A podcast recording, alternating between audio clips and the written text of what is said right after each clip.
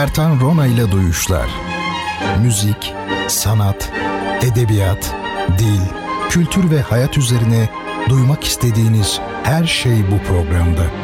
Bertan Rona ile Duyuşlar her cuma 22'de Samsun'un Gerçek Radyosu'nda. Bertan Rona ile Duyuşlar başlıyor.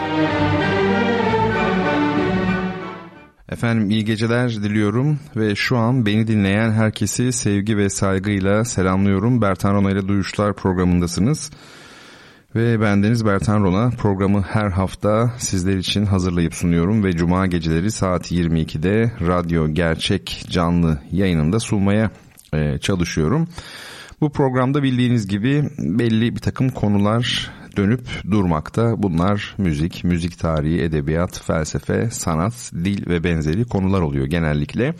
Bu gece de öyle olacak ve müzik tarihi, edebiyat e, ağırlıklı öyle söyleyeyim ve bazı yardım kampanyalarıyla e, dolu e, bir program olacak.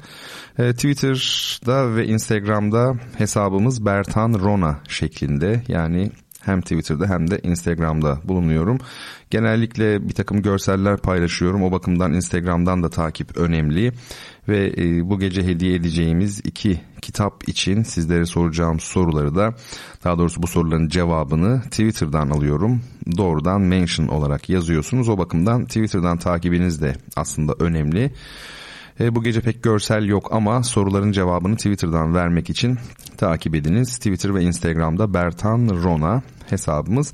Onun dışında her konuda bize ulaşmak için duyuşlar@gmail.com adresine e, elektronik posta göndermeniz yeterli. bertanrona@gmail.com adresine de olabilir.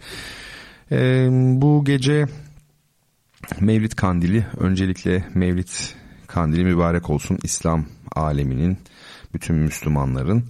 Mevlid çok güzel bir tabii kelime. Milat kelimesiyle aynı kökten geliyor. Doğum demek. Tabii milattan önce milattan sonra derken de Hazreti İsa'nın doğumu ve ölümü tabii.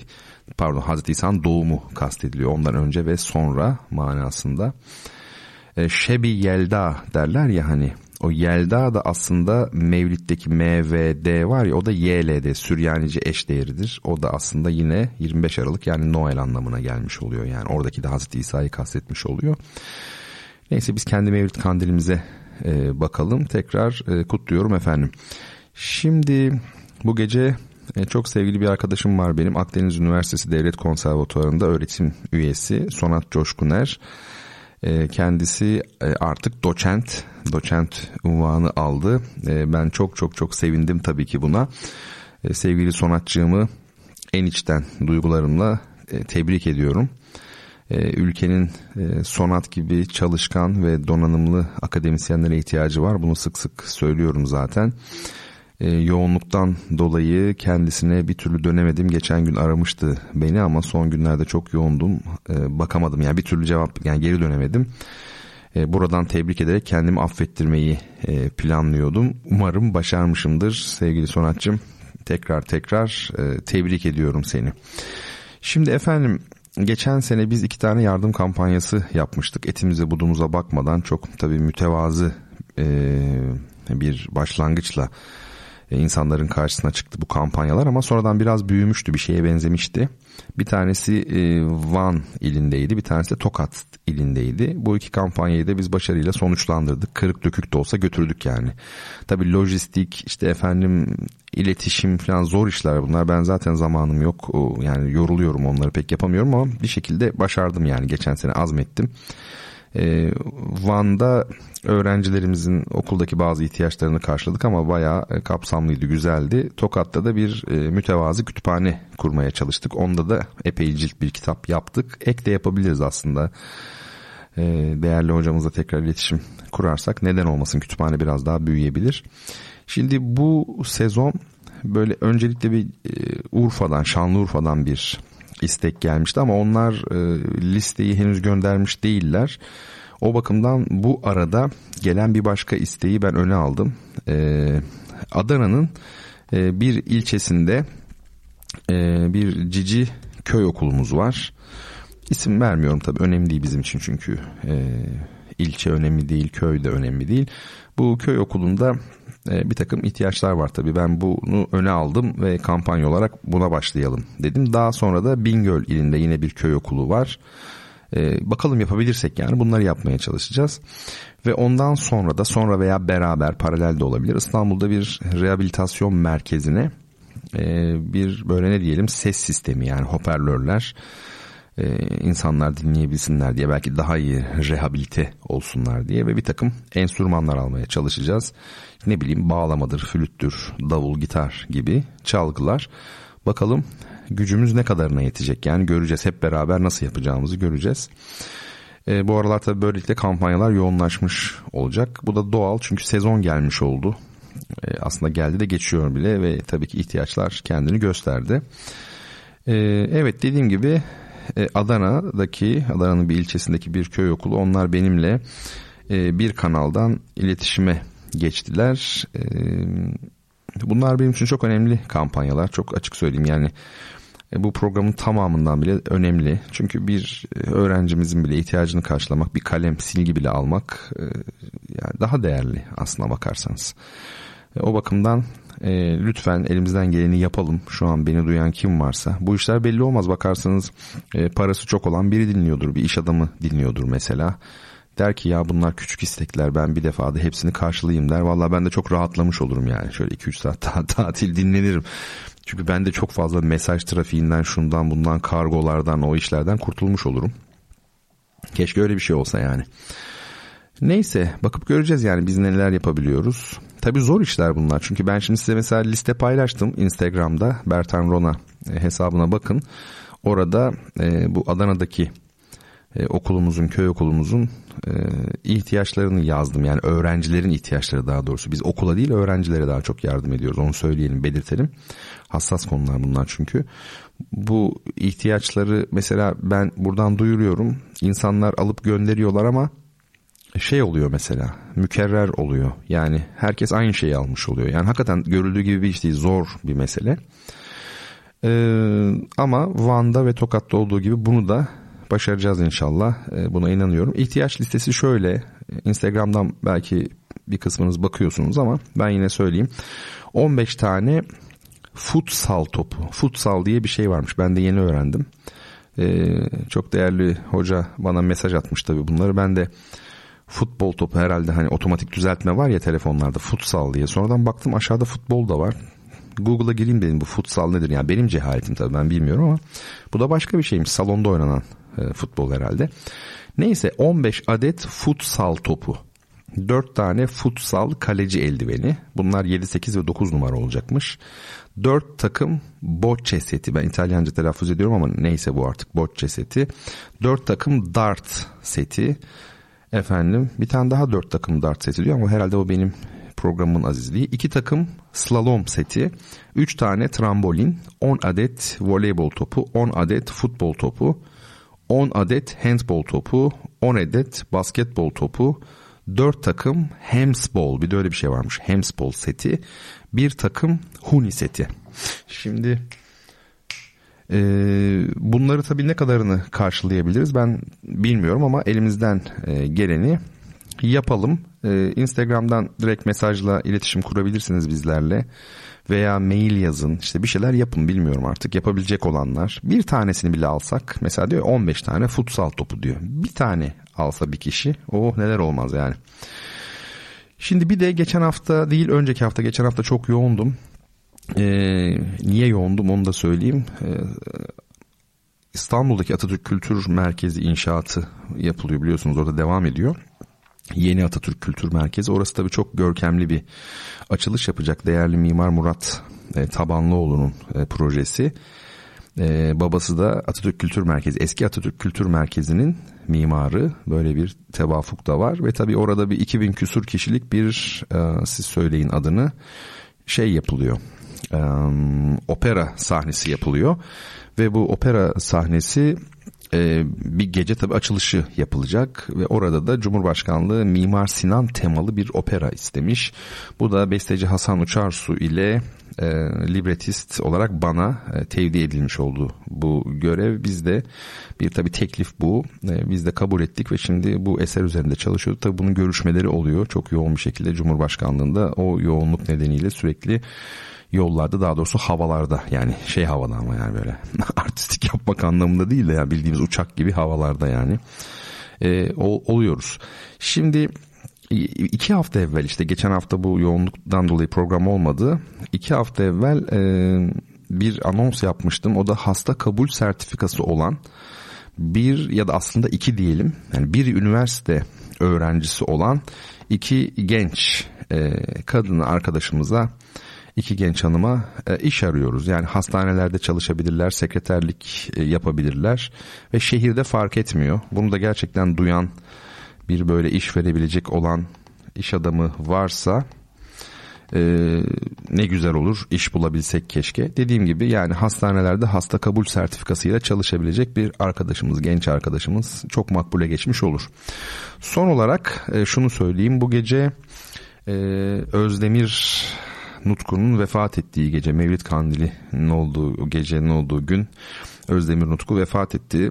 E, sadece okuldaki dersleriyle değil tabi kitapları aracılığıyla da sayısız insanın tiyatro, dram sanatı veya sahne bilgisi e, anlamında yetişmesini sağlayan bir duayendi. Yani Türk tiyatrosunun duayeniydi diyebiliriz.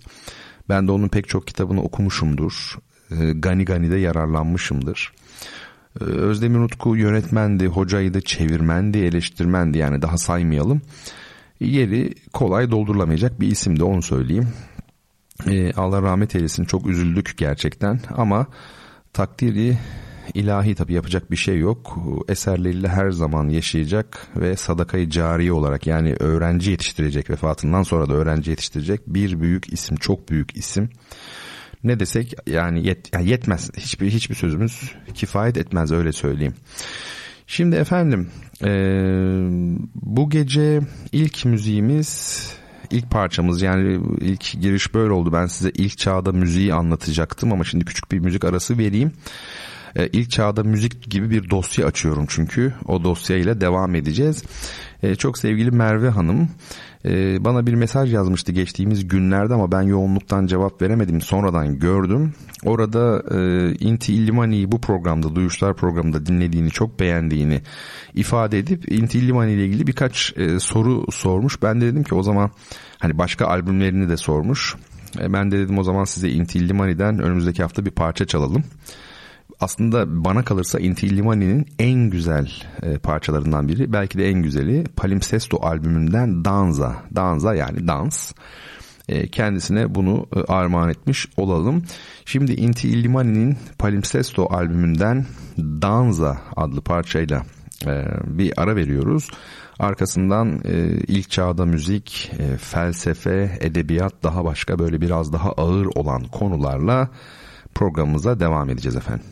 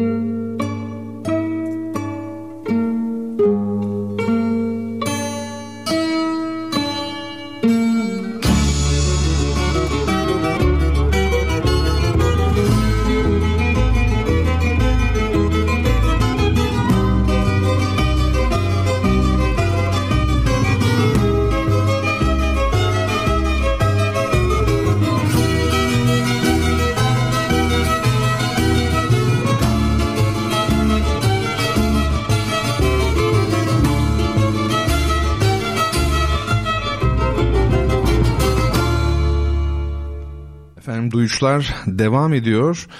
E, hatırlarsınız son haftalarda felsefe tarihine dönüş yapmıştık. Yani en başından başıysa eğer tabi Thales'ten itibaren felsefe tarihinde belli bir yere gelmiş. Stoa'ya falan gelmiş ama sonra belli nedenlerle devam etmemiştik. Ve geçtiğimiz haftalarda da kaldığımız yerden aldık. Bu gayet iyi. Devam da edecek inşallah bu gece ama e, bir de e, müzik tarihi kapsamında e, ilk çağda müzik yani öncesinde müziğin doğuşu daha sonra da ilk çağda e, müzik işleri nasıldı e, bunu konuşalım istiyorum.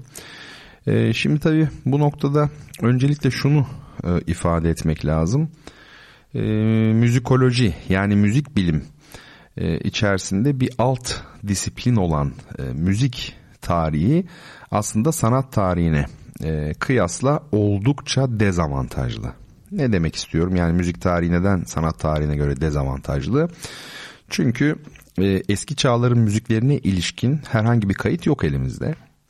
Yani nota zaten pek yok. Olsa bile nasıl e, seslendirildiğini bilmiyoruz. O dönemde zaten sözlü kültür olduğu için nota bugünkü kadar e, kat'i, kesin değil. E, tabii böyle olmakla birlikte yani dezavantaja sahip. Yani eski şeyleri düşünün mesela diyelim ki bir sanat tarihçisi resim üzerine çalışıyor. Bir antropolog olabilir, sanat tarihçisi olabilir. İşte Fransa'daki, İspanya'daki o var ya böyle tarih öncesi mağaralar yani o duvar resimleri, mağara resimleri. Onları açık bir şekilde görüyor karşısında. İşte perspektif var mı yok mu ki zaten yok da hani işte boya nasıl bir boya kullanılmış, desen anlayışı nasıl falan her şeyi görüyor soyutlaması şu su bu su. E, oysa o dönemin müziklerine ilişkin elimizde hiçbir veri yok. Bu anlamda müzik tarihi denilen disiplin ve özellikle de onun eski çağlarla ilgilenen kısmı oldukça şanssız, nasipsiz onu söyleyelim. Ancak e, yine de e, tabi tabletler, efendim şeyler, tapınaklardaki kabartmalar büyük, e, arkeolojik kazılarda çıkan e, enstrümanlar bunlar bize fikir veriyor. E, daha da geriye gidersek müziğin doğuşuna pek çok fikir öne sürülmüş e, bugüne kadar. Tabii müzik bilimciler bunları e, derleyip toplamışlar. Yani genellikle insan denen varlık müziğin nasıl doğduğunu düşünmüş. Çünkü müzik oldukça soyut bir sanat dalı. E, takdir edersiniz ki yani gözle görülmeyen değil mi ses denilen bir olguya dayanıyor. O bakımdan da genellikle müziğe bir kutsiyet atfedilmiş kutsallık atfedilmiş, e, önemsenmiş müzik ve üzerine düşünülmüş. Bu müzik denilen şey nedir? İlk insanlardan tutun e, modern dönemin antropologlarına kadar, e, müzik tarihçilerine kadar, düşünürlerine kadar, felsefecilerine kadar pek çok e, insan düşünce serdetmiş bu konuda ve bunları şöyle bir derli toplu ele alacak olursak mesela müzik tanrıların armağanıdır görüşü mitolojinin görüşü bu en eski görüş muhtemelen bu müzik tanrıların armağanıdır. E, bir başka görüş belki de bunun kadar eski müzik kuş seslerinden doğmuştur. Hakikaten de kuşlar e, değil mi yani tabiatla iç içe olan varlıklar tabiatın bir parçası onlar zaten biz mesela simurg denilen kuş işte efendime söyleyeyim yani işte mitolojide de vardır ya İran mitolojisinde doğuda işte gagası böyle delik olan oradan sular akan işte her delik tıpkı flütteki kavaldaki delik gibi farklı bir sese yol açıyor belki. Yani müzikle özetleyelim hiç girmeyelim o işlere şimdi. Müzikle kuş seslerini ilişkilendiren bir nazariye var. Başka müzik din ile ve daha çok da büyü ile ilişkilidir. Yani bu biraz daha şamanlarla ilgili anladığım kadarıyla. E, müzik işte efendim kabileler arasındaki savaşlardan e, doğmuştur veya savaşlarla ilgilidir. Mesela marş diyoruz ya marş marş uygun adı marş yürüyün. Marş ne demek? Yürüyüş demek e, işte o, o şeyin senkronize olması için belki ordunun ya da mesela davul çalarak Türklerde ya da Romalılarda olduğu gibi düşmanı demoralize etmek savaş meydanında daha savaş başlamadan. Ve nihayet bir başka görüşte müziğin kaynağı insanın e, toplumsal çalışma etkinliğidir. Yani kendi e, ürettiği aletlerle gerçekleştirdiği toplumsal çalışma etkinliğidir hani vardır ya eşgüdüm olmazsa çalışılamaz birlikte. Mesela müzik yani en azından ilk e, tempo değil mi bu şekilde doğmuştur. Bu da bir görüş. Ee, bunu söyleyelim. Tabii bunların üzerinde durulabilir ama şunu belirtelim. Yani müziğin tanrısal bir sanat dalı olduğu Platon'dan tutun ta Schopenhauer'a kadar e, yaygın olan bir görüş. Tabii Schopenhauer açıkça tanrısal demez ama e, ya da Roman Ingarden hatta daha da günümüze gelelim.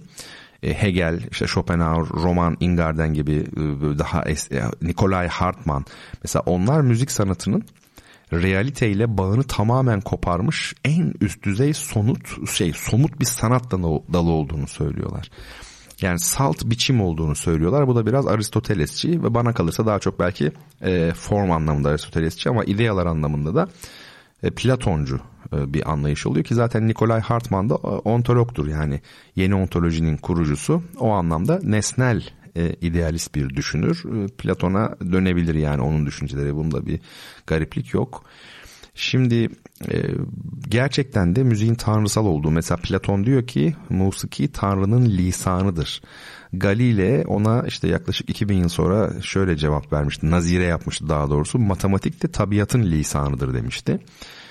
E, şimdi eski Türkçe'de kü diye bir kelime var. K, ü yumuşak G. Kü. Bu kelime müzik anlamına geliyor. E, rahmetli hocamız Gültekin Oransay da müzik kelimesi yerine kü kelimesini tercih ederdi. E, şimdi kü köken olarak baktığımızda zaten kökle akraba. Kök ne demek? Gök demek. Yani Göktürk diyoruz ya Köktürk. Kök. Ee, yine bakın bir kutsallık gökyüzüyle ilgili tanrısal bir sanat olmuş oluyor.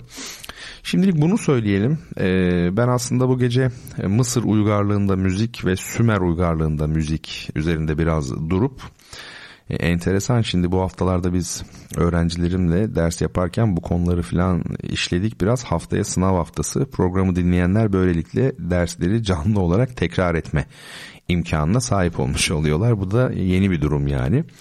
Biz bu Mısır'ı ve Sümer'i olmazsa haftaya bırakalım. Yani zamanımızı iyi kullanalım çünkü yetişmeyecek biliyorum adım gibi biliyorum. E, o bakımdan e, bunlara haftaya devam ederiz. Artık biz müzik, e, müziğin doğuşu, ilk çağda müzik, yavaş yavaş orta çağ, bakalım günümüze kadar gelebilecek miyiz? İyi olur bence yani yavaş yavaş e, gideriz. Bunlar çok önemli aslında. Biliyorum ben benim e, programımı e, defterle not tutarak takip eden, dinleyen çok insan var. E, hakikaten küçük bir üniversite olmuş oluyor. Alın size müzik tarihi dersi. Çok temel kavramlar. E, şimdi efendim e, ilk hediye kitabımız bu geceki kitabımız Özdemir Nutku'nun dram sanatı. Bugün kaybettiğimiz e, üstadımız Özdemir Nutku'nun dram sanatı. Tabii Türk tiyatrosu bugün yetim kaldı hakikaten. Yani ben inanamadım yani çok çok üzüldüm. Hocanın yaşı çoktu. 90 yaşına yakındı bildiğim kadarıyla ama tabii yine de hiç konduramıyorsunuz. O kadar enerjik, yani hayatı o kadar çok böyle çalışmayla, üretmeyle, öğrenci yetiştirmekle geçmiş bir isim ki Özdemir Utku. Değil 88, 90, 190 yaşında bile olsa e, yani şaşırıyorsunuz tabii ki. O üzüntü ayrı bir şey tabii. Dram sanatı onun önemli kitaplarından biri. Ee, onun da fotoğrafını Instagram'dan paylaştım. Niye paylaşıyorsam sanki Google'da yokmuş gibi. Bazen görsellerde farklılık olabiliyor. Mesela ben bir görsel buluyorum işte internetten paylaşıyorum sizinle ama mesela o eski bir baskı oluyor mesela. Tükenmiş oluyor. Yeni baskının kapağı farklı olabiliyor. Bilginiz olsun. Kitap aynı kitap yani fark eden bir şey yok. Şimdi e, biz e, felsefe tarihinde eski Stoa üzerine konuşuyorduk. Daha doğrusu eski Stoa kapsamındaki Kıbrıslı Zenon'u ele alıyorduk. Şimdi e, geçen haftadan devam edelim. E, felsefenin mantık, fizik ve etik olarak üç dala ayrılması bilinen bir şeydir. E, ancak bunu yapan ilk kişinin Zenon olduğu, Kıbrıslı Zenon olduğu genellikle bilinmez. Genellikle derken daha az bilinir yani. Onu belirteyim yani mantık, fizik ve etik olarak ayrılmış oluyor onda felsefe. E, tahmin edebileceğiniz gibi Zenon felsefesinin asıl hedefi etiktir. Yani ne mantık ne fiziktir. Onlar da vardır ama onlar etikle e, ilişki kurduğu oranda var. Bunun nedeni çok açık. E, bu şöyle söyleyelim. Yani doğa felsefesi değil mi? İşte Anaximandros, Anaximenes, tabi Thales başlangıçta.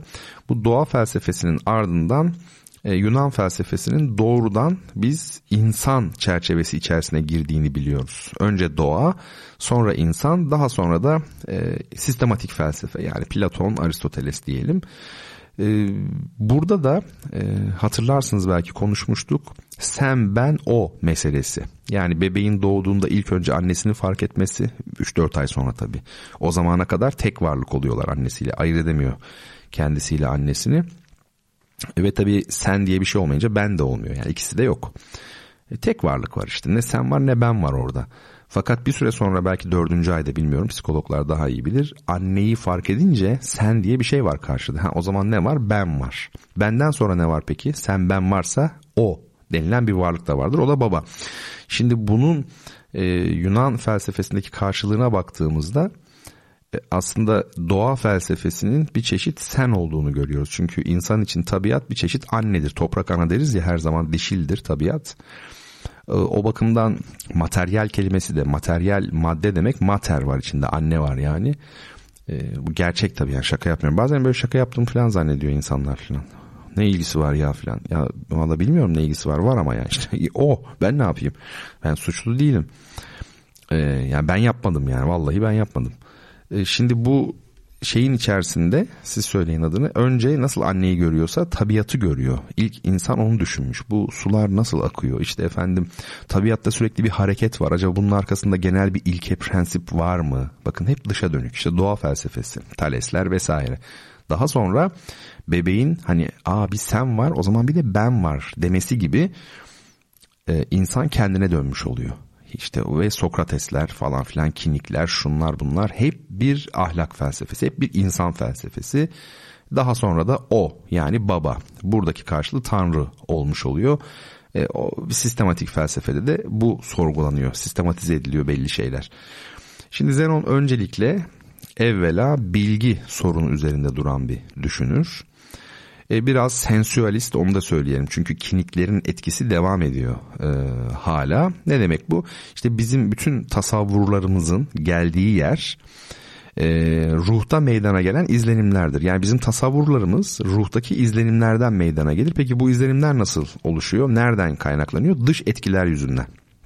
Yani bu anlamda baktığınızda materyalist bir yönü var aslında. Çünkü bu konu daha sonra çok tartışılacak. Tabula rasa meselesi var ya Locke, John Locke işte efendim insan anlağı akıl diyelim veya doğuştan boş bir levha gibidir. Tabula rasadır yani. Hep ona nereden gelir? Duyu verileri dışarıdan gelir ve akıl üretir. E, Schopenhauer gibi bir düşünür bile ne diyecektir? E, insan aklı dişildir çünkü almadan vermez. Yani materyal lazım. Bunların hepsi materyalist görüşler tabii. Yani bu arada bir filozof idealist olabilir ağırlıklı olarak ama materyalist düşünceler de öne sürmüş olabilir. Onu söyleyelim. İbni Haldun ne diyor mesela? İnsan aklını neye benzetiyor? Değirmene benzetiyor. Eğer dışarıdan veri gelmezse kendi kendini öğütür parçalar diyor. Şunu demek istiyor. Çok fazla spekülasyon üretmeyin. E, materyalist olun biraz. Dışa bakın, veri alın, deney yapın aslında bu bu demektir. E, şimdi tabi tasavvurlarımızın kaynağı işte dış etkiler yüzünden ruhta meydana gelen izlenimlerdir ama e, doğru tasavvurlar var, yanlış tasavvurlar var. Bunları ayıran bir kriter olmalı.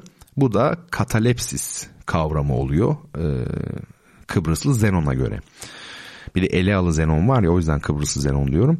E, peki katalepsis e, nedir? Katalepsis kendi objesini kavrayan, onu elden geldiğince doğru yansıtan bir tasavvur. Yani biz sizin mesela diyelim e, bir denizle ilgili bir düşünceniz var. Obje deniz ve bunu da hani e, sizin denizle ilgili bir tasavvurunuz var. O zaman bu tasavvur eğer o objeyi yani denizi elden geldiğince doğru yansıtıyor ise o zaman e, bu doğru bir e, tasavvur oluyor. Katalepsis dediğimiz kavram. E, ama katalepsis de tam doğru değil. Kıbrıslı Zenon'a göre. Çünkü bir tarafta episteme var, bir tarafta e, doksa ne, ne dersek diyelim, nasıl telaffuz edersek edelim. Bu var. Bu ikisi arasında katalepsis var. Ne demek? Episteme dediğimiz şey ancak bilgelerde bulunan bilgidir. Yani ne demek bu? Buda'nın ya da Hazreti İsa'nın ya da bizim peygamberimizin Hazreti Muhammed'in sahip olduğu aslında e, bir nevi tamamen Platoncu bir şey bu. Hakikatin bu dünyada olmadığı, başka bir dünyada olduğu düşüncesi. O bakımdan da bu dünyadaki bilgilerle kirlenmemiş. Yani ver elini ümmi peygamber, ümmi nebi kavramı. Ümmi ne demek? Anneden anne demektir ümm Arapça. A, anneden doğduğu gibi. Yani değil mi? Başka bilgilerle bozulmamış.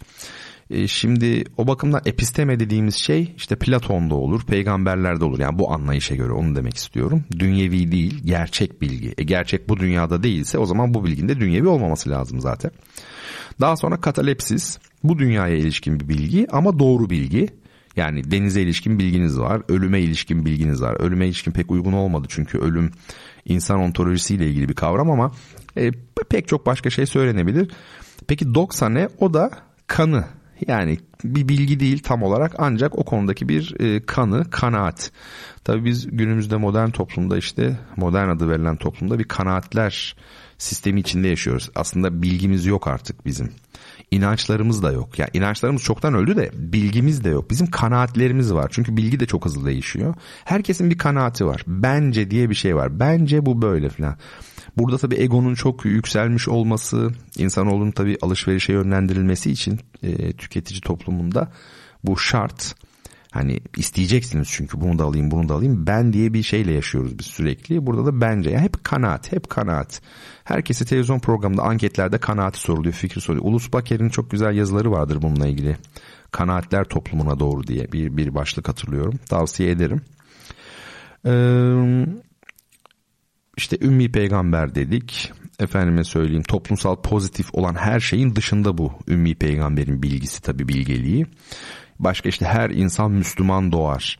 Bu tabi pek anlaşılamayan bir önerme öyle diyelim. Burada Müslümandan kasıt fıtrat üzere doğar. Yani temiz doğar. Ee, yine büyüklerden bizzat şöyle dua edermiş. Allah'ım sen beni temiz dünyaya e, gönderdin. Yine o doğduğum gibi temiz yani ruhani olarak günahsız temiz belki yani dönmek isterim gibi. Günahsız olunmaz da hani işte anlayın. Efendim gibi konular. Ee, şimdi Aristoteles'in tabi madde ile formu birbirinden ayıran dualist bir metafiziği vardı. Yani madde ile formu ayırıyordu. Form dediğimiz şey Aristoteles'in idealist yönü aslında.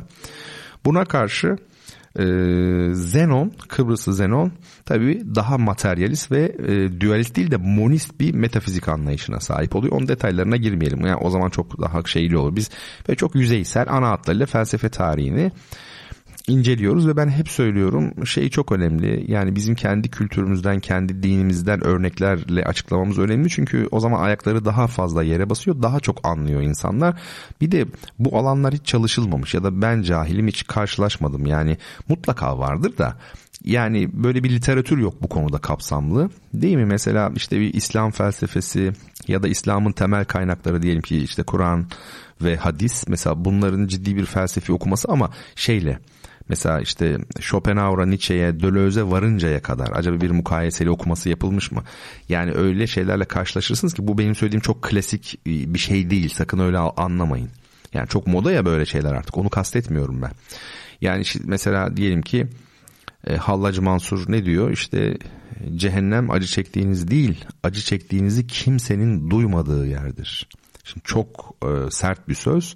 Bu tabii e, reel anlamda cehennem için söylenmiş gibi görünse de bir taraftan insanın kendi cehennemi, ruhsal cehennemini de kastediyor olabilir. E bir bakıyorsunuz Sartre, Jean-Paul Sartre ne diyor? E, şehir insan türünün cehennemidir diyor. E bununla kalabalıklar içinde yalnız olmayı hemen telif edebiliyorsunuz. Dolayısıyla çok modern açılımlara e, gebe. Hep söylüyorum çok aşırı derecede modern bir tarafı var İslam'ın ama bizim bildiğimiz anlamda modern değil. Çünkü modern dediğimiz şey modern değil zaten. Yani öyle ya modernin iki anlamı var. Bir tarafta olumlu bir anlam yakıştırıyor. Çok modern bir kadın falan mesela. Ama bir taraftan da modernite dediğiniz bir kan gölü. Öyle değil mi? Bir acı, gözyaşı, açlık, yoksulluk, hastalık, sefalet, savaş panoraması. O anlamda hiç modern olmamış oluyor. yani bana göre bu da çok daha e, moderndir bugünkü topluma kıyasla Buda'nın e, görüşleri, dünya anlayışı. Bu bir örnek sadece. Peki Devam ederiz e, bu konulara. Yani felsefe tarihine de devam edeceğim. Biraz bu müzik tarihine de devam edeceğim tabii. Şimdi ilk sorumu sorayım. Artık rahmetli e, diyeceğiz. Özdemir e, Nutku'nun hocamızın kitabını e, gönderelim. Bu e, soru şöyle. Çok sevgili dinleyenlerim. Güney yarı küreden, dünyamızın yani güney yarı küresinden çıplak gözle görülebilen galaksimiz Samanyolu'ndan 180 bin ışık yılı uzakta bulunan ve onun uyduları olan yani Samanyolu galaksisinin etrafında dönen uydu aslında bunlar. Dilimizde bulut olarak adlandırılan iki galaksinin adı nedir? Yani bizim Samanyolu galaksimizin uydu galaksileri var iki tane. Bunlara bilmem ne bulutları deniyor. Acaba işte ne? Onu soruyorum. Özdemir Nutku'nun kitabını hediye etmek için Bertan Rona Twitter hesabına doğrudan mention yazın lütfen. Ee, ve kitabınızı kazanın. İlk yazan kişi olursanız. Şimdi size çok e, güzel bir e, müzik dinleteceğim. Çok değerli hocamız e, Allah uzun ömürler versin e, Yalçın Turan'ın olağanüstü bir e, bestesi. Yalçın Tura Türkiye'de film müzikleriyle bilinen yani bu programda zaman zaman seslendirdiğimiz oldu, çaldığımız oldu. Şimdi tekrar çalsak aa bu mu dersiniz yani. Türkan Şoray'ın Kadir İnanır'ın filmlerinde zaman zaman duyduğunuz bazı olağanüstü güzel müzikler. Bu arada çok ünlü olan işte Hasretinle Yandı Gönlüm mesela o da bir Yalçın Tura bestesidir. E, Yalçın Hoca'nın tabii bir başka özelliği de Türk müzikçisi olması ama Batı müziğini de e, bilmesi ve bu ikisi ni e, böyle telif eden, yaklaştıran bir anlayışı olması, bu alanda çok güzel eserler vermesi, zaman zaman programda yine onları e, müzik aralarında çaldığımızda e, sizler çok beğenmiştiniz. E, şimdikini de çok beğeneceğinize eminim. Bir de Yalçın Hoca'nın tabii Türk musikisinin meseleleri diye e, çok çok önemli e, 19 galiba 88'de yazılmış yalnız hatırlamıyorsam bir kitap baskısı yok ama ağırlığını hala koruyan olağanüstü bir çalışmadır. Yani eşsiz bir e, çalışma Türk musikisinin meseleleri e, şeklinde bir kitap. E, o önemlidir. Yalçın Tura deyince akla gelir. Çok şey gelir de bunlar şu an benim aklıma gelenler. İki yıl önce galiba Hisarlı Ahmet Sempozyumunda yine sevgili dostum Sonat Hoca ile bugün kendisini tebrik ettiğim arkadaşım sempozyumdaydık yani müzik müzikoloji sempozyumu. Orada Yalçın Hoca ile birlikteydik, sohbet ettik, yemek yeme imkanımız olmuştu. Allah e, ömür versin, uzun ömürler, sağlıklı ömürler versin kendisine. Maşallah delikanlı bizden daha delikanlı.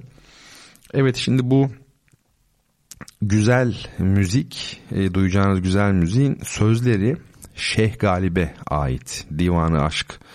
E, Şeyh Galip'in olağanüstü sözleri bunlar. Fari olmam eylesen yüz bin cefa. E, bu güzel sözler üzerine yine senfonik bir orkestra için e, bir tenor e, belki solistle tam pozisyonda söylemese de tenor solist diyebiliriz. Böyle bir grup için yazmış ama tam bir Türk müziği havasıyla tabii sevgili çok saygıdeğer hocamız Yalçın Tura. Şimdi güzelce dinleyelim ve tadına varalım ne diyeyim yani. Ondan sonra da programımızın ikinci yarısında beraber olalım. felek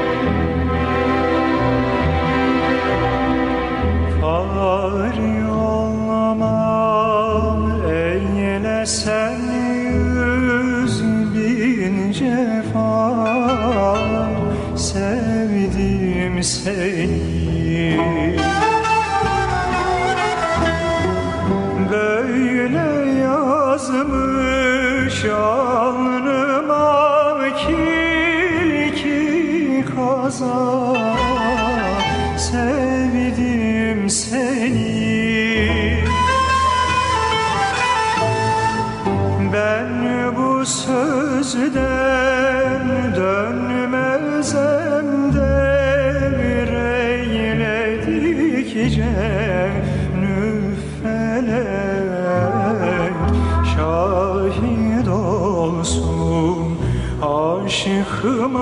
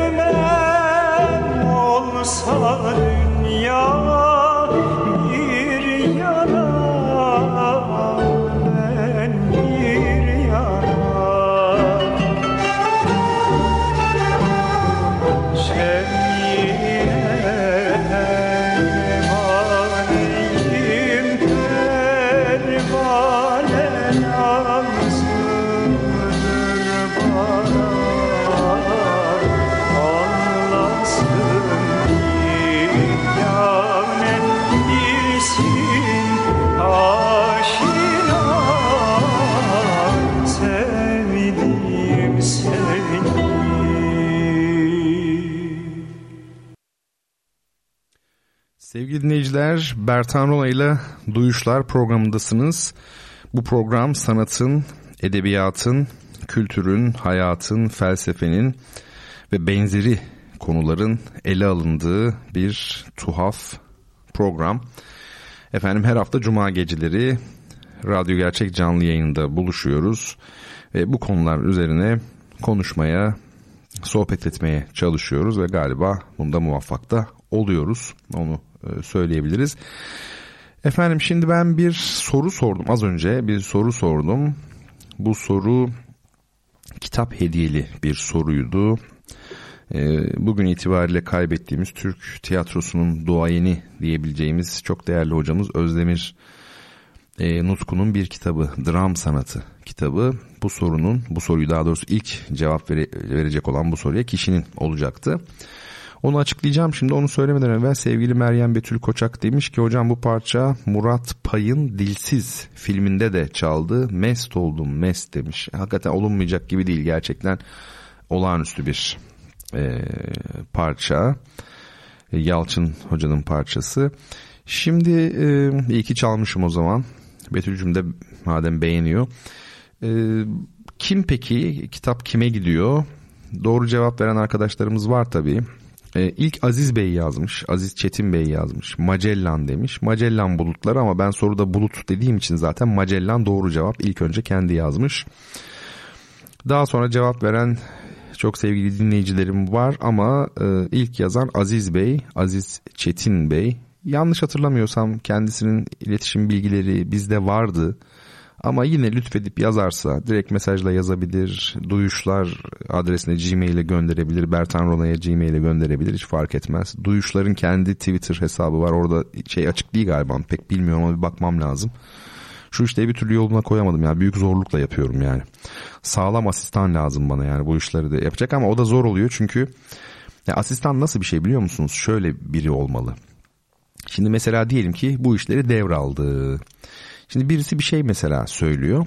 Asistan ıı, ilk başlarda tabii daha konulara hakim olmadığı için gelip size soruyor. Siz de söylüyorsunuz. Yani aslında ilk birkaç ay zaten siz yapmış oluyorsunuz yine. Fakat yavaş yavaş o adapte oluyor, öğreniyor. Burada amaç ne?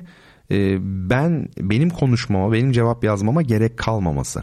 Yani asistan gittikçe hakim oluyor ama tabii ne kadar hakim olursa olsun e, cevap veremeyeceği sorular yine gelecektir. Onlardan da hangilerini eleyebileceğini, ayıklayabileceğini bilip dönmesi lazım. Bu da zaman alan bir şey. Aslında bir süre sonra yani en makbul asistan ya da danışman ne oluyor? Sizin gibi düşünebilen bir kişi. Adeta sizden bir tane daha olacak ki o sorulara o cevap verebilsin. Bu önemli bir şey. Kararlar alabilsin, inisiyatif alabilsin yeri geldiğinde ama kolay değil tabii böyle bir lükse sahip olmak. Yani bunlar çok arzu ettiğim şeyler olmadı zaten hiçbir zaman. Gerek de olmadı ama yoğunluk arttıkça e, e tabi o zaman ihtiyaç oluyor yani gerçekten. Um, şimdi e, kitabımızda Aziz Çetin e, Bey'e göndermiş olduk. Güle güle okuyunuz. Tabi teknik bir kitap aslında. Ama ben hani günün mana ve ehemmiyetine binaen o kitabı seçtim. Ee, Özdemir hocamızın bir kitabı olsun istedim. O kitaptan ben de çok istifade etmişimdir, okumuşumdur o kitabı. Teknik bir kitap ama kütüphanenizde durması bile o kütüphanenin şeyini, prestijini acayip derecede e, arttırır. Yani onu e, söyleyeyim. Şimdi efendim programımıza devam edelim. Şimdi şöyle e, söyleyelim. Deleuze e, intihar ederek hayatına son veren e, ünlü Fransız düşünür. Onda poz kavramıyla ayrıcalıklı anlar kavramı birbirinin karşısına konmuştur. Şimdi bazı felsefi noktalara temas etmek istiyorum. Yani poz nedir mesela? Mesela uçan ok aslında durmakta mıdır, durmamakta mıdır? Biliyorsunuz Eleyalı Zenon'un paradokslar arasında vardı. Ok hareket edemez uçan ok. Neden hareket edemez? Çünkü bir anda hem bir yerde hem bir başka bir yerde olamaz. Burada işte aslında rasyonalizm ile materyalizm arasındaki temel kırılma ortaya çıkıyor. Yani şöyle düşünelim. Ee, işte Aşille kaplumbağanın şeyi var burada. Yarışması var ya koşu yarışı. Ne diyor Zenon? Ama bizim Kıbrıslı Zenon değil bu Eleyalı Zenon. Diyor ki Aşil biraz avans verirse kaplumbağaya yani kaplumbağa önden başlayacak. O zaman diyor yarışı mutlaka kaplumbağa kazanır. Yani Aşil hiçbir zaman geçemez kaplumbağayı. Neden? E çünkü aradaki mesafeyi kapatmak için Aşil'in her koştuğu anda kaplumbağa da biraz ilerlemiş olacak. Yani Aşil farkı kapatsa da yani farkı daha doğrusu azaltsa da o fark hiçbir zaman kapanmayacak diyor. Şimdi baktığınızda akıl böyle söylüyor ama biz biliyoruz ki reel anlamda yani şöyle düşünün e, kaplumbağa gidiyor aşil geliyor aradaki mesafe 80 santim olsun. Attım tamamen 80 metre olsun. Sonra bu fark düşüyor her verili anda. Fark gittikçe düşüyor azalıyor azalıyor ama hiçbir zaman bitmez. Çünkü kaplumbağa durmuyor ki. Aşil koştukça kaplumbağa da yürüyor. Dolayısıyla fark azalsa da sona ermez. İşte bu ne demek? Ee, bizim pratikteki yani deneyimimiz tecrübemizle çelişen bir şey. Çünkü biz biliyoruz ki Aşil yani kaplumbağaya 95 metre falan e, avans verse 100 metrelik yarışta yine geçer kaplumbağayı. Pratik farklı bir şey söylüyor. Buradaki mesele sonlu bir nicelik öyle söyleyelim. Sonsuza kadar bölünüyor olabilir ama bu onu sonsuz yapmaz. Siz masayı sonsuza kadar bölebilirsiniz ama bu onun sonsuz olduğu anlamına gelmez. Bu o çağda bilinmiyordu. O yüzden Zenon'un paradoksları ün kazandı. Kimse cevap veremedi. Bu açıdan baktığımızda işte e, bu fark kapanır mı kapanmaz mı? Ok paradoksu da öyle. Yani ok havada duruyor mu gidiyor mu?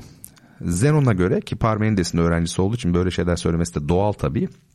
Zenon'a göre varoluş, hareket bunlar sadece yanılsama.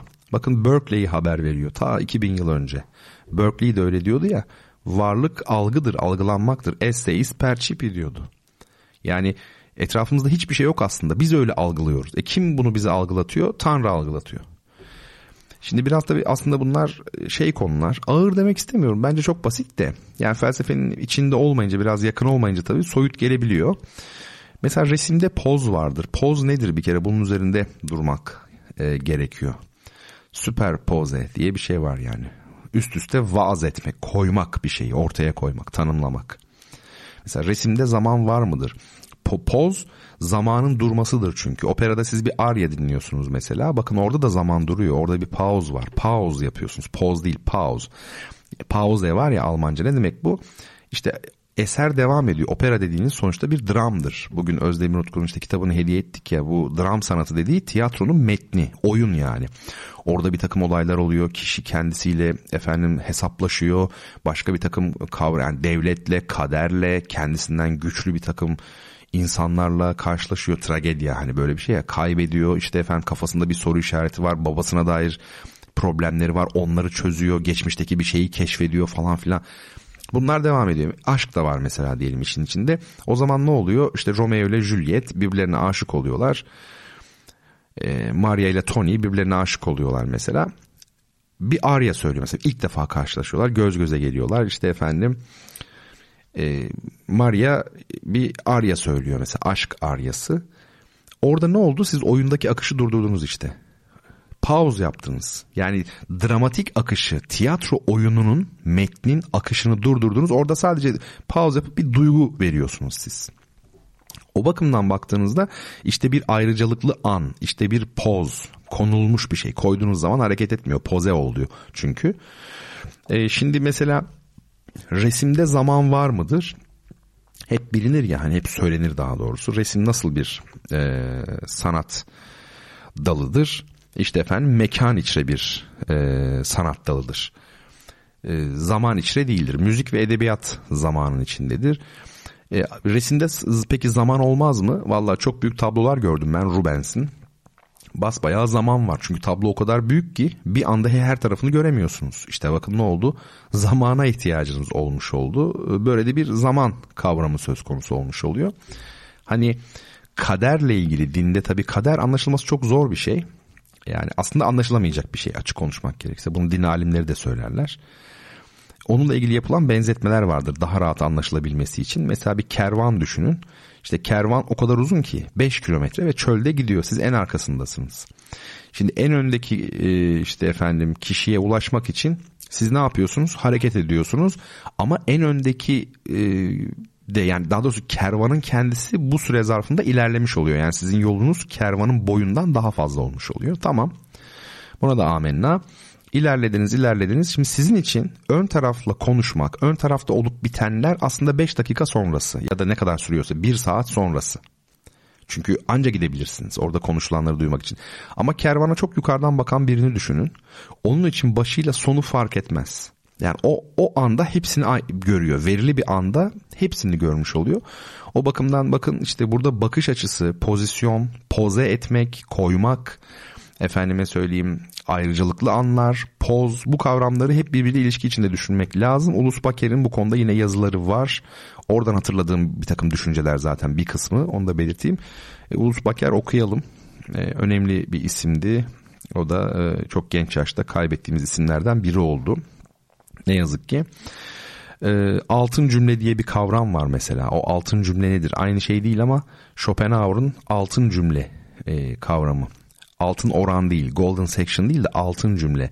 Schopenhauer'a göre tamamı altın cümle olan 3 sanat yapıtı var. Zaten yani tamamının altın cümle olması yani ne demek biliyor musunuz bu altın cümle? Şimdi bir, siz bir piyes izliyorsunuz mesela ya da bir drama olarak onu elinizde okuyorsunuz dram olarak. Orada mesela olmak ya da olmamak bütün mesele bu. Şimdi oyun inanılmaz güzel ama bir zirvesi var değil mi? Böyle her oyunun böyle çok vurucu bir yeri vardır. Artık böyle zirve yaptığı hem dramatik aksiyon açısından hem, hem edebi üslup açısından falan. İşte bunu altın cümle diyoruz. Yani zirvesi artık. İla finalde olması gerekmez.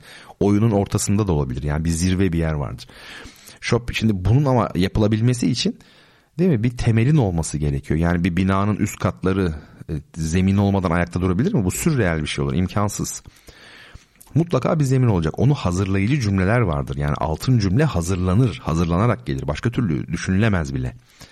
Ancak Schopenhauer diyor ki tamamı altın cümle olan. Yani öyle bir eser düşünün ki her yeri o şekilde. Bu tabi mucize böyle bir şey. Mucize bile değil yani olamaz böyle bir şey. Mantık bunu almıyor hiçbir şekilde. Ama Schopenhauer var diyor ve üç eser söylüyor sanat tarihinden. Bir tanesi tahmin edebileceğiniz gibi Shakespeare'in Hamlet e, oyunu. Bir tanesi Goethe'nin Faust oyunu, bir tanesi de Mozart'ın Don Giovanni operası. Yani bu üçünün tamamıyla altın cümleden oluştuğunu söylüyor Schopenhauer. Bunun da bu poze olma meselesiyle kısmen ilgisi var. Platon'un ideaları, işte Parmenides'in varlığı, hani varlık dediği şey bir olan dediği yani varoluş yok, hareket yok, varlık var, hareketsizlik var. Bunlar hep iç içe konular aslında ve tabii ertelenme kavramı. Düşündüğünüz zaman kıyamet bir ertelenmeyi ifade eder. Bunu söyleyen düşünürler çok olmuştur. Yani tarihin kendisi bir ertelenmedir. Bir şeyler ertelenmemiş olsaydı tarih olmazdı, bizim yaşamımız olmaz. Mesela ölümümüz şu an ertelenmiş olduğu için hayattayız. Aslında bunlar çok derin konular. Hissettiniz siz derinliğini. Ama radyo programında olduğumuzu unutmadan devam edelim. Şimdi bir başka konuda çok belki burayı uzattım ama e, aralık ile mesafe arasındaki fark. Yani mesafe başka bir şeydir, aralık başka bir şeydir. Bunu söyleyelim. Mesafe iki fenomen arasındaki, iki varlık arasındaki uzaklıktır. Ama soyut, ama kuru, soğuk, e, hiçbir ilişki barındırmayan uzaklık. Yani aslında uzaklıktan ziyade aradaki nicel e, ölçüden ziyade nitelikle ilgili. Yani iki varlık birbiriyle ilişkisizse hiçbir konuda teması kontaktı yoksa işte onlar arasında mesafe vardır. Ee, Walt Whitman ne demişti? İki insan arasındaki en büyük mesafe zamandır demişti. Diğerleri kapanır çünkü. İki insan birbirini seviyorsa buluşabilirler bir gün. Çünkü aralarında ilgi var. Mesela kalpleri birbiri için atıyor. Ama eğer e, zamanı şöyle bir düşün. Arada zaman varsa onun kapatılması imkansızsa işte o mesafe. Yani sözdeki çeviri doğruysa ben İngilizcesini hatırlamıyorum ama iki insan arasındaki en büyük mesafe zamandır sözünde. Bu vurgu aslında zımnen mevcut. Şimdi peki aralık ne? Aralık birbiriyle ilişkili iki fenomenin, iki varlığın e, uzaklığı. Buradaki uzaklık tabii anlayacağınız gibi çok fazla da olsa hiçbir şey ifade etmiyor. Yani aslında çok çok aşılabilen bir şey olmuş oluyor. Şimdi mesela ben bu de, konuyu anlatırken bir gün böyle bir felsefe dersinde böyle bir ara oldu. Hocam bir ara verdik biz de şimdi diye bir arkadaş katılımcılardan çok güzel bağlamıştı. Bakın biz ara verdik. Devam edecek mi? Edecek. İşte yine bağlantı olmuş oluyor. Şimdi çok uzatmayacağım bu konuyu. Ee, kısaca anlatmak istiyorum. Yani aralık başka bir şey. Müzikte de mesela notalar arasında aralık vardır. Do, sol. Bu bir aralıktır. Ama neden?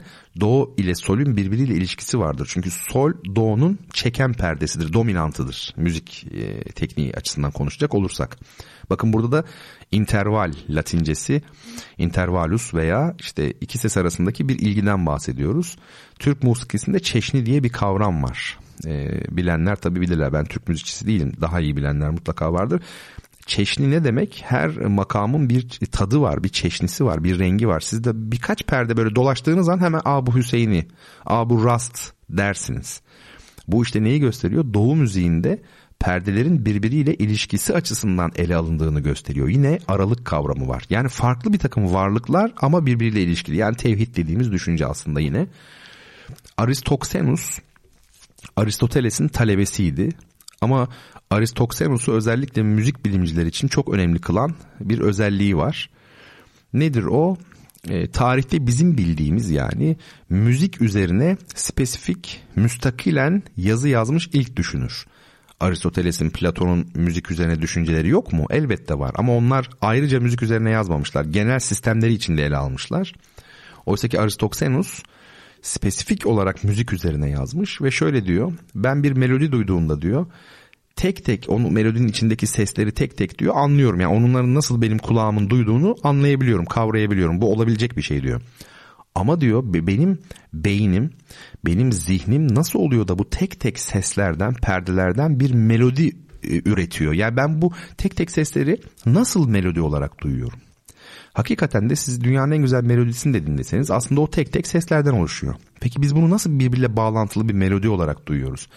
İşte Aristoxenus eğer çeşni kavramını bilseydi Doğu müziğindeki yani seslerin birbiriyle bağlantısı içinde ele alındığını bilseydi o soruyu sormayacaktı. Bu da ilginç bir mesele. Bu konu yani aralıkla mesafe arasındaki farklılığı e, ele aldığımız yani bu konu e, başlığında ilginç bir örnekle ben hitama ereyim öyle söyleyeyim. Bir türkü var Samistal yaylası diye bir Doğu Karadeniz türküsü. Samistal Türkiye'nin en yüksek yaylalarından biri 2500-2600 rakımlı bir yayla. Zaten turistik de değil o kadar yüksek yani gitmek çok çok zor. E, Samistal yaylasında bir tabii ünlü bir türkü var. Samistal yaylası diye dinlersiniz. Bu türkünün son dörtlüğünde bakın şöyle diyor. Çamlı hemşin deresi gene böyle akar mı? Akşamdan doğan aya yar da böyle bakar mı? Şimdi Karadeniz türkülerinde ilk e, iki dize eğer bu bir dörtlükse yani beyitse ilk dize ama dörtlükse ilk iki dize yani Çamlı Hemşin Deresi gene böyle akar mı? Bu sadece ardından gelecek olan vurucu dizeye kafiye olsun diye söylenir. Böyledir Doğu Karadeniz Türklerinde genellikle. Yani Çamlı Hemşin Deresi gene böyle akar mı? Burada da bir hatıra var tabi ayrılmış demek ki Çamlı Hemşin'den. Sevdiğine ulaşamamış. Hani hala öyle akıyor mu diyor Çamlı Dere, işte Çamlı Hemşin Deresi. Sonra ne diyor? Akşamdan doğan aya yar da böyle bakar mı? Yani bir daha söyleyeyim. Çamlı Hemşin Deresi gene böyle akar mı? Akşamdan doğan aya yar da böyle bakar mı? Şimdi burada ne görüyoruz biz? Yar başka yerde, bu türküyü söyleyen kişi başka yerde. Ama diyor ki yar da böyle bakar mı? Çok ilginç. Aynı anda iki kişi aya bakıyor olabilir. Ve bu iki insan arasında o an itibariyle bir ilişki kurmuş oluyorsunuz. Yani ilişki kurulmuş oluyor. Ne kadar uzakta olurlarsa olsunlar birbirlerinden. Çünkü bir ilgi var. Ortak bir aksiyon, bir eylem, bir duygu durumu. Ee, ne derseniz deyin bir bilinç akışı karşılıklı. Ee, bu rezonans aslında. Yani bizim rezonans dediğimiz şey biliyorsunuz fizikte Amerika'da ünlü bir köprü 1940'larda galiba rezonanstan dolayı ne oldu? Çöktü. Asma köprü. Yani Boğaz Köprüsü gibi Allah muhafaza büyük köprü yani. Veya şöyle düşünün bakın size bir rezonans örneği daha vereyim. Geçen gün daha işte havaalanından geliyorum. Hani böyle dört tekerlekli küçük şeylerimiz oluyor ya kabine alabildiğimiz bavullarımız var. Ben bende de bundan var. Hani havaştan inip evinize yürüyorsunuz falan ya böyle dörtte gece ses yapıyor falan. Herkesi uyandırıyorum falan diye düşünüyorsunuz. Ya da ben düşünüyorum ben psikopatım bilmiyorum. Yani rahatsız ediyormuşum gibi hisse kapılıyorum. Onu mesela siz sürdüğünüz zaman aslında her an e, gereken güçle sürmüyorsunuz. Çünkü o kendisi bir hız kazanmış olduğu için siz onu hafif ittirerek götürüyorsunuz. İşte bu rezonans ilkesidir. Köprü de o yüzden çökmüş. Yani küçük rüzgarlar başlamış gittikçe birbirini tetiklemiş. Ya da şöyle düşünün.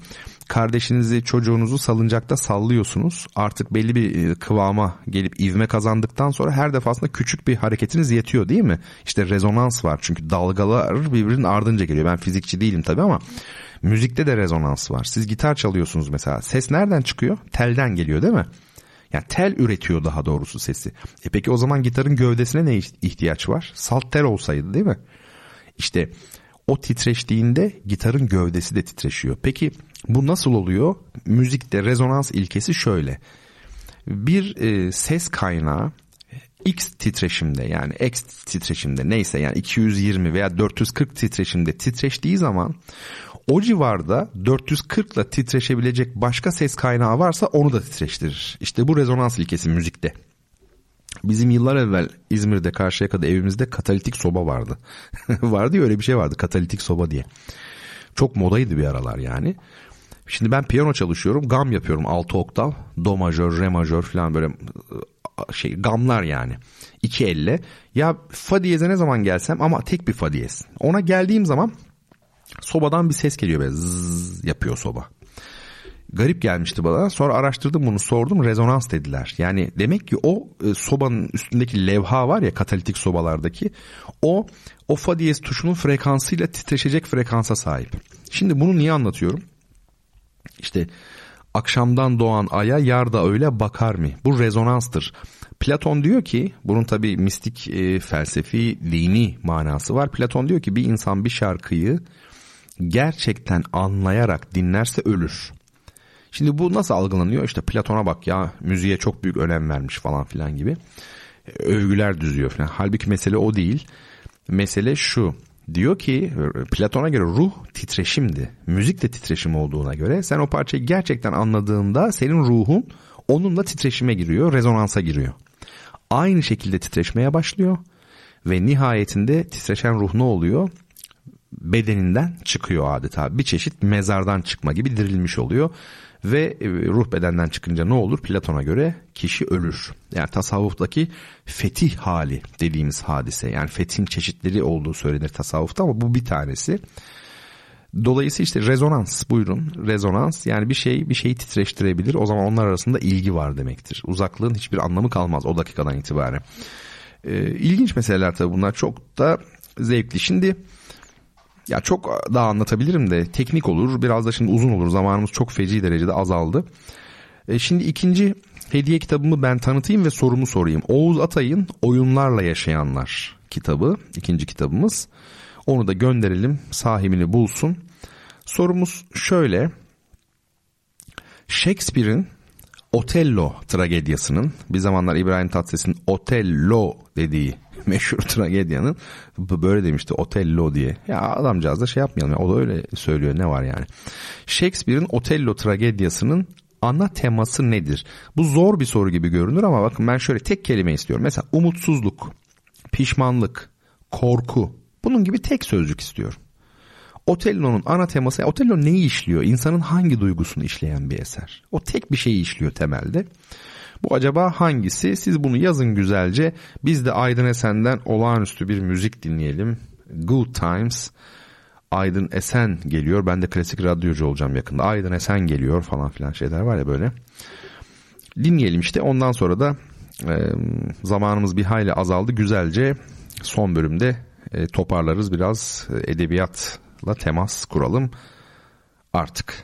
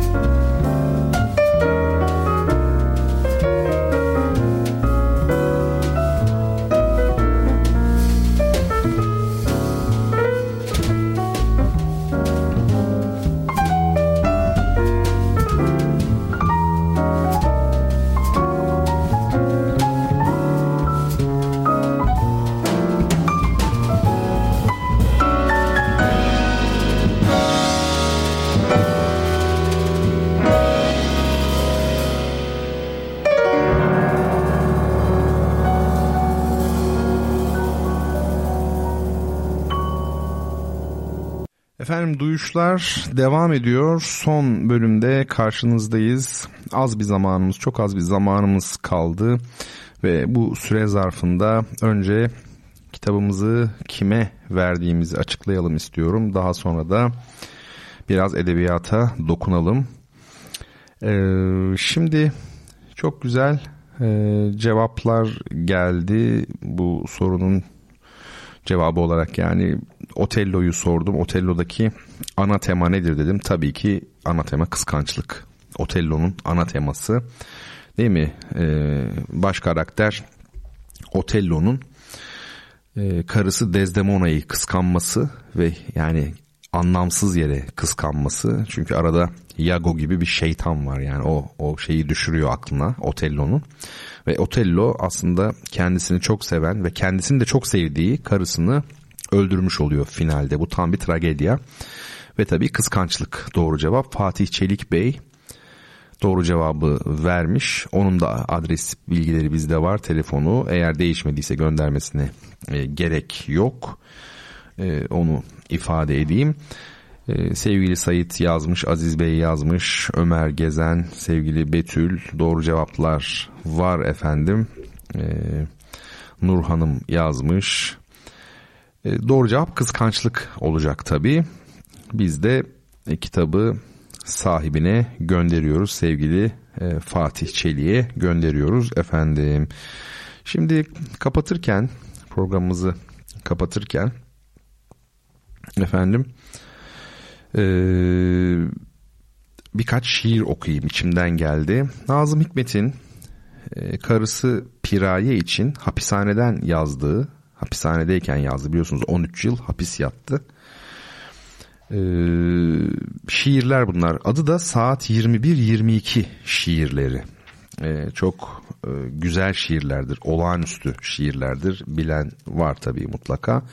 Şimdi oradan ben bazı şiirler okuyacağım size. Umarım başarırım. Şöyle bir kitabı elime aldım ve bir bakalım. Her birinin üzerinde bir tarih yazıyor. Mesela işte diyor ki 23 Eylül, 30 Eylül falan. Ben de bunları okuyacağım zaten. Bakalım güzel okuyabilecek miyim, başarabilecek miyim? Şiirler şöyle. Çoğu bildiğiniz şiirler. Çünkü Nazım şiirleri genellikle biliniyor. O şimdi ne yapıyor? Şu anda, şimdi, şimdi evde mi, sokakta mı, çalışıyor mu, uzanmış mı, ayakta mı? Kolunu kaldırmış olabilir. Hey gülüm, beyaz kalın bileğini nasıl da çırçıplak eder bu hareketi. O şimdi ne yapıyor? Şu anda. Şimdi. Şimdi. Belki dizinde bir kedi yavrusu var, okşuyor. Belki de yürüyordur, adımını atmak üzeredir. Her kara günümde onu bana tıpış tıpış getiren sevgili canımın içi ayaklar. Ve ne düşünüyor? Beni mi? Yoksa ne bileyim fasulyanın neden bir türlü pişmediğini mi?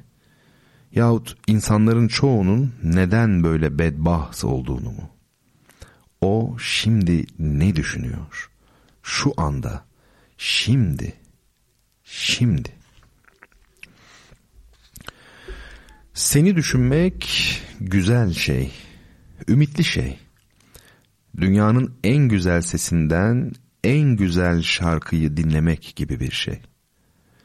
Fakat artık ümit yetmiyor bana. Ben artık şarkı dinlemek değil, şarkı söylemek istiyorum. Çekilmez bir adam oldum yine. Uykusuz, aksi, nalet. Bir bakıyorsun ki ana avrat söver gibi, azgın bir hayvanı döver gibi bugün çalışıyorum. Sonra bir de bakıyorsun ki ağzımda sönük bir cigara gibi tembel bir türkü sabahtan akşama kadar sırt üstü yatıyorum ertesi gün. Ve beni çileden çıkartıyor büsbütün kendime karşı duyduğum nefret ve merhamet. Çekilmez bir adam oldum yine, uykusuz, aksi, nalet. Yine her seferki gibi haksızım. Sebep yok, olması da imkansız. Bu yaptığım iş ayıp, rezalet. Fakat elimde değil, seni kıskanıyorum. Beni affet.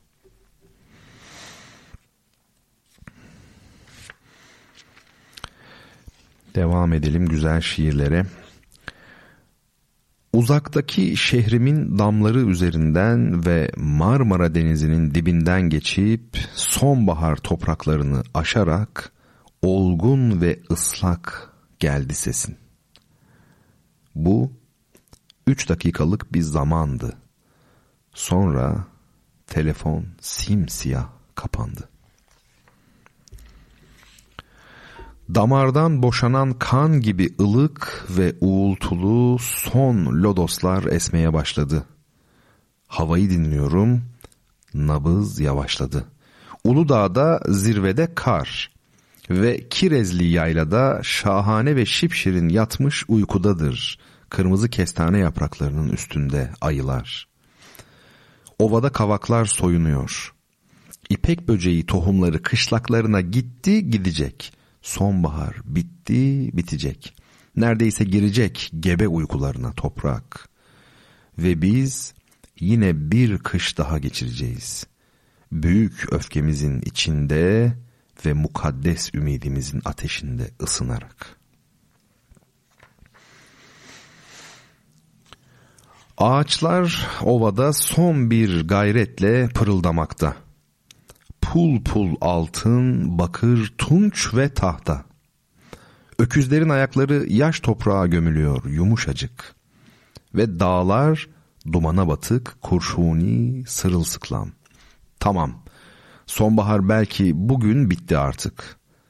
Yaban kazları hızla gelip geçti demin. Herhal İznik Gölü'ne gidiyorlar. Havada serin, havada is kokusu gibi bir şey var. Havada kar kokusu var.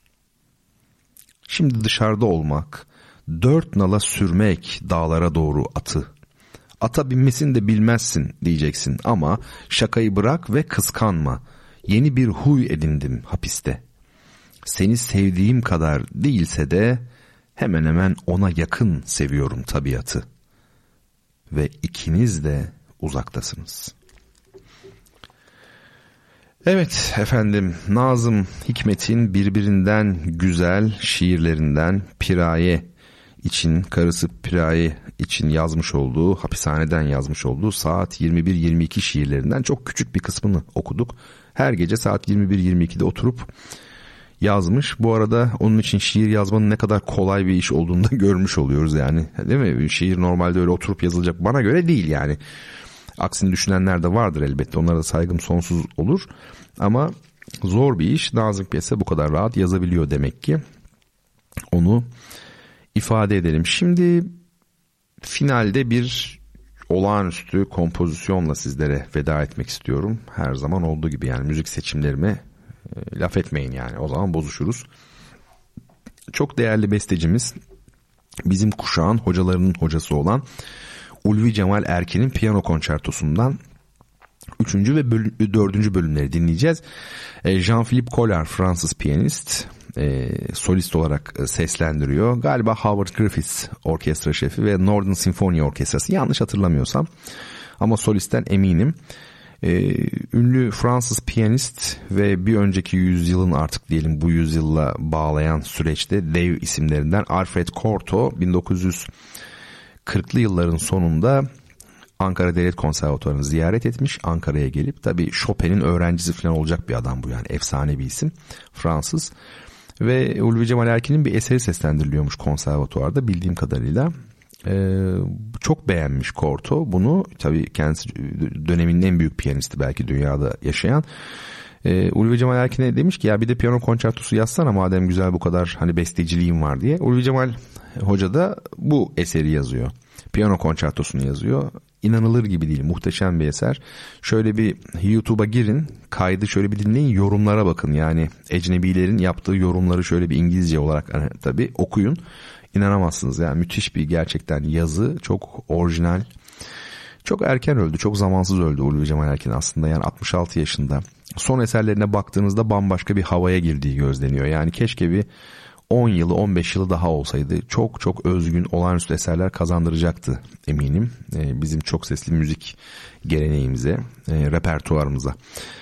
Peki Efendim Ulvi Cemal Erkin'in e, ünlü piyano konçertosunun son iki bölümüyle, üçüncü ve dördüncü bölümüyle ben sizlere veda etmek istiyorum. Yardım kampanyasını ne olur es geçmeyelim. Hiç ses seda çıkmıyor ondan çok üzülüyorum yani. Tamam biz küçük bir programız yani. Etimiz ne budumuz ne? Bunu biliyorum yani. Başka bir şey çok beklemiyorum. Hani böyle ne bileyim kimler var? Müge Anlı falan değiliz yani. Biz öyle bir söyleyelim de hemen e, kampanya bitirelim ama ben şimdi önümüzdeki günlerde Twitter'dan falan da biraz duyuracağım. Yani ne toplayabilirsek kardır dediğim gibi yani herkes bir top alsın mesela. O liste var şu an. Instagram'da paylaştım. Twitter'dan da yarın artık hafta sonu paylaşırım. Ve böylelikle biz bu kampanyaları yürütmüş oluruz. Efendim Bertan Rona ile Duyuşlar programı e, bu haftalıkta sona ermiş oluyor. Haftaya Cuma gecesi saat 22'de Radyo Gerçek canlı yayınında buluşmak dileğiyle hepinizi hürmet ve muhabbetle selamlıyorum efendim. Allah'a emanet olunuz, esen kalınız.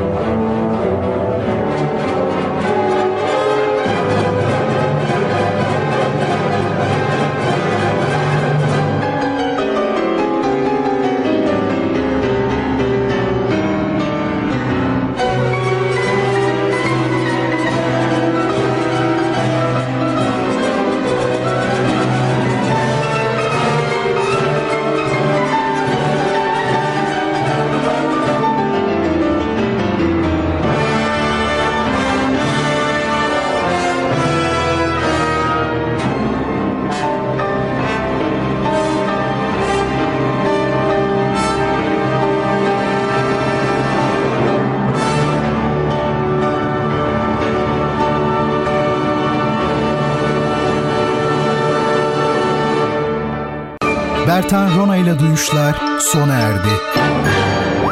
Bu program hakkındaki düşüncelerinizi dinleyen et radyogercek.com adresine mail atarak bize ulaştırabilirsiniz.